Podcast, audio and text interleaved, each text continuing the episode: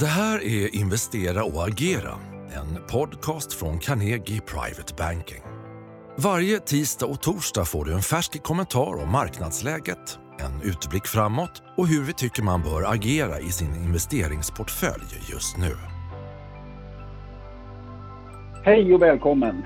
Det är tisdag den 5 maj och klockan är nu 13 och 34 och ni lyssnar på mig, Jonny Torssell, som är teknisk analytiker här på Carnegie Private Banking. Jag tänkte vi ska börja med att resonera lite kring definitionen på en bol och belmarknad. Där ska vi kolla lite grann på hur det ser ut tekniskt för OMX och S&P. Eh, vi tittar kanske på en aktie också eh, och sen en eh, kort eh, observation även av säsongsmönstret tänkte jag. Så att vi drar igång. Jag har mycket, jag har mycket grejer och prata om idag. Eh, nu kör vi igång med frågan. Befinner vi oss i en bull market eller befinner vi oss i en bear market? Ja, det beror lite grann på synsätt. För det är ju så här att en, enligt den gängse definitionen på en bear market så är det en nedgång med 20 procent. Då ska vi befinna oss i en nedgångsmarknad då, eller en bear marknad. Och den traditionella definitionen på en bull market det är en uppgång med 20 procent. Det är den här som du säkert har hört talas om, den matematiska definitionen av en bull och en bearmarknad. Och nu är det så här, nedgången från toppen i februari till botten den 23 mars, den var 32 procent i OMX, 34 procent i S&P och 39 procent i DAX-index. Alltså, tydlig bear market-signal. Från den botten så har OMX-index gått upp 24 procent. S&P 500 32 procent och DAX-index 32 procent. Och det här har skett nu trots eh, makrosignaler som visar att vi går in i djup recession och vi har eh, företagsledare som står och uttalar sig, de, de kan inte säga någonting om framtiden eh, på grund av den osäkerhet som råder. Men trots, men, trots det har vi alltså fått de här starka uppgångarna. Så alltså, då har vi gått in i en bull market enligt den traditionella tolkningen. Så på två månader så har, så har vi haft en bear market och sen nu en bull market. Och eh, historiskt, om man tittar på USA-börsen så har den tidigare kortaste eh, bearmarknaden varit, varit i tre månader, den som var då börsraset under hösten 1987. Annars brukar de i genomsnitt vara ungefär 18 månader. Så det här skulle i, i sådana fall om vi har gått in i en bull market nu, skulle vara den historiskt kortade, kortaste bearmarknaden vi har haft. Eh, I den tekniska analysen så tittar vi vanligtvis på 200 dagars medeltal eller kanske 12 månaders medeltal för att definiera om vi befinner oss i en bull market eller en bear market. När index noteras under 200 dagars medeltal och medeltalet dessutom är fallande, då Ehm, då pekar den långa trenden ner, det vill säga då har vi en, eh, en B-marknad. Och omvänt, om ehm, index noteras över 200 dagars medeltal och medeltalet samtidigt pekar upp, då råder en långsiktig upptrend, det vill säga en bull market. Den 6 mars stängde senast OMX under 200 dagars medeltal.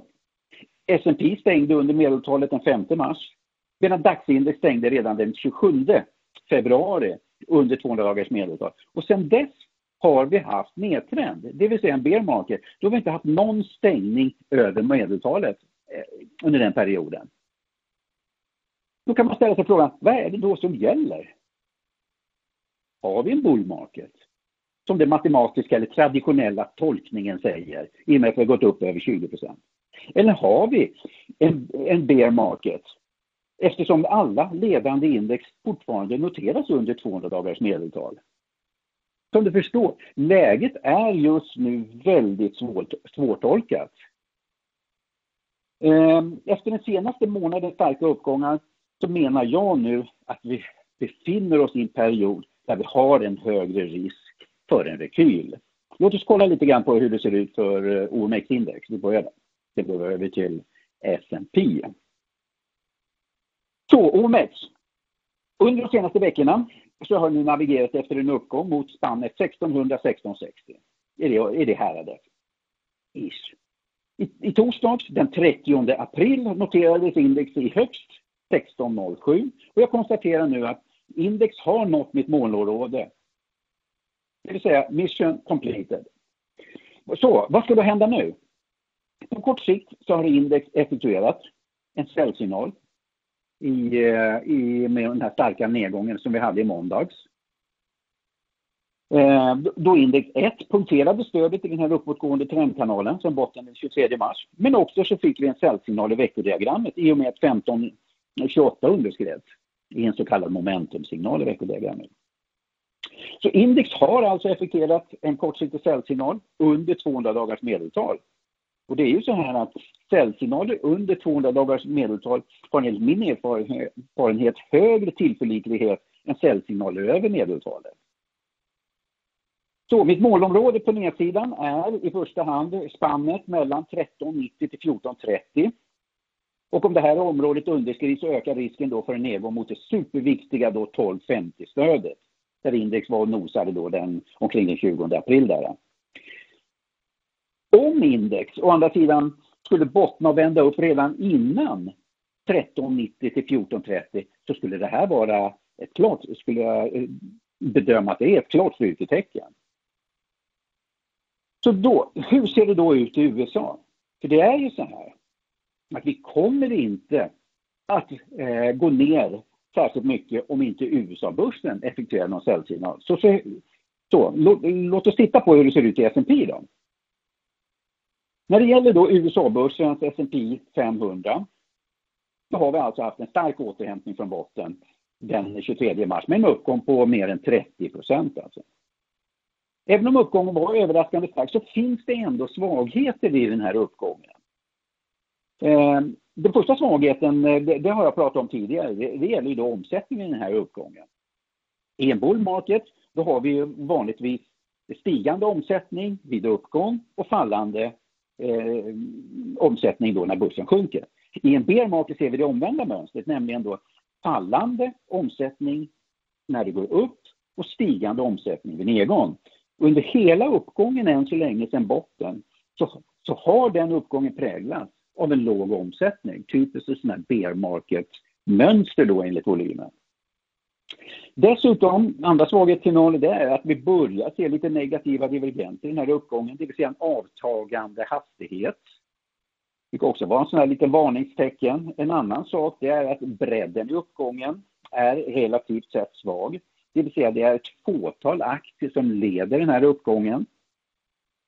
Och dessutom, vi befinner oss under 200 dagars medeltal. Eh, men än så länge så har vi inga säljsignaler på USA-börsen. Vi har de här svaghetsindikationerna, hur man ska uttrycka det. Ehm, och en första säljsignal, det ges då om index punkterar 2720. Då ehm, då får vi en bekräftelse av de här säljsignalerna då som vi har fått just nu på Stockholmsbörsen. Ehm, en annan sak som är intressant att hålla ögonen på just nu tycker jag, det är det här säsongsmönstret. Vi har nu kommit in i en svagare säsong, det vill säga perioden mellan maj till oktober. Alla som har agerat på börsen under en längre tid, de känner ju till det här uttrycket. Tell me, walk away. Men vad de flesta kanske inte känner till, det är ju resten av ordspråket, nämligen and come back on St. Leger Day. Den här dagen, det vill säga St. Leger Day, den inträffar i mitten på september och är den mest berömda hästkapplöpningstävlingen i Storbritannien med anor då från ända från 1776. Och det finns ju många studier som har bevisat den här anomalin eller avvikelsen. Men tittar vi till exempel då på S&P 500 till 1950 så har perioden mellan maj till september avkastat i snitt 0,4 procent. Medan perioden mellan oktober till april, det vill säga den starka sexmånadersperioden, har avkastat hela 8,8 procent.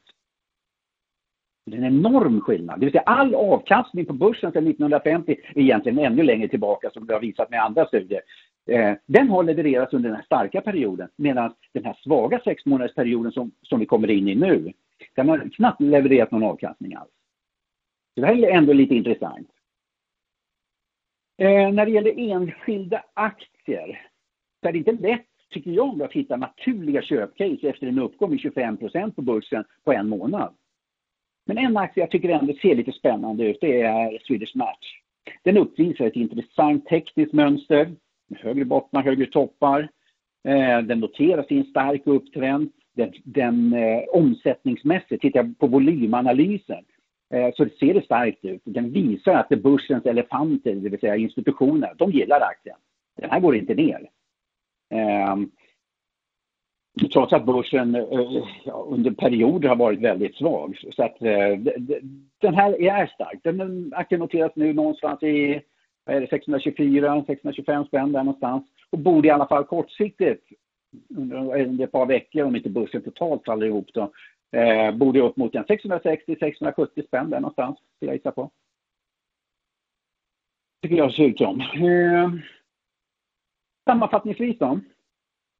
Analysen visar nu att börsen står inför en period av en förhöjd risk efter den här starka uppgången från botten i mars på hela 20-25 procent. Vi har fått säljsignaler på Stockholmsbörsen, men de har ännu inte bekräftats av USA-börsen. De har, USA har alltså inte lämnat några säljsignaler, men där har vi lite varningssignaler, det vill säga svag volym, eh, börjar få negativa hastighetsdivergenser, eh, svag bredd och så vidare. Samtidigt som vi nu också går in i det här svaga säsongsmönstret. Så att en förhöjd risk i alla fall, skulle jag säga, på börsen just nu efter den starka uppgången. Så det var allt som jag, det var allt som jag hade idag då, att förtälja. Så tack så jättemycket för att du har lyssnat. Du har väl inte missat veckans aktiecase? Skriv upp dig på vårt nyhetsbrev på carnegie.se privatebanking för att ta del av aktierna och investeringarna vi tror på just nu.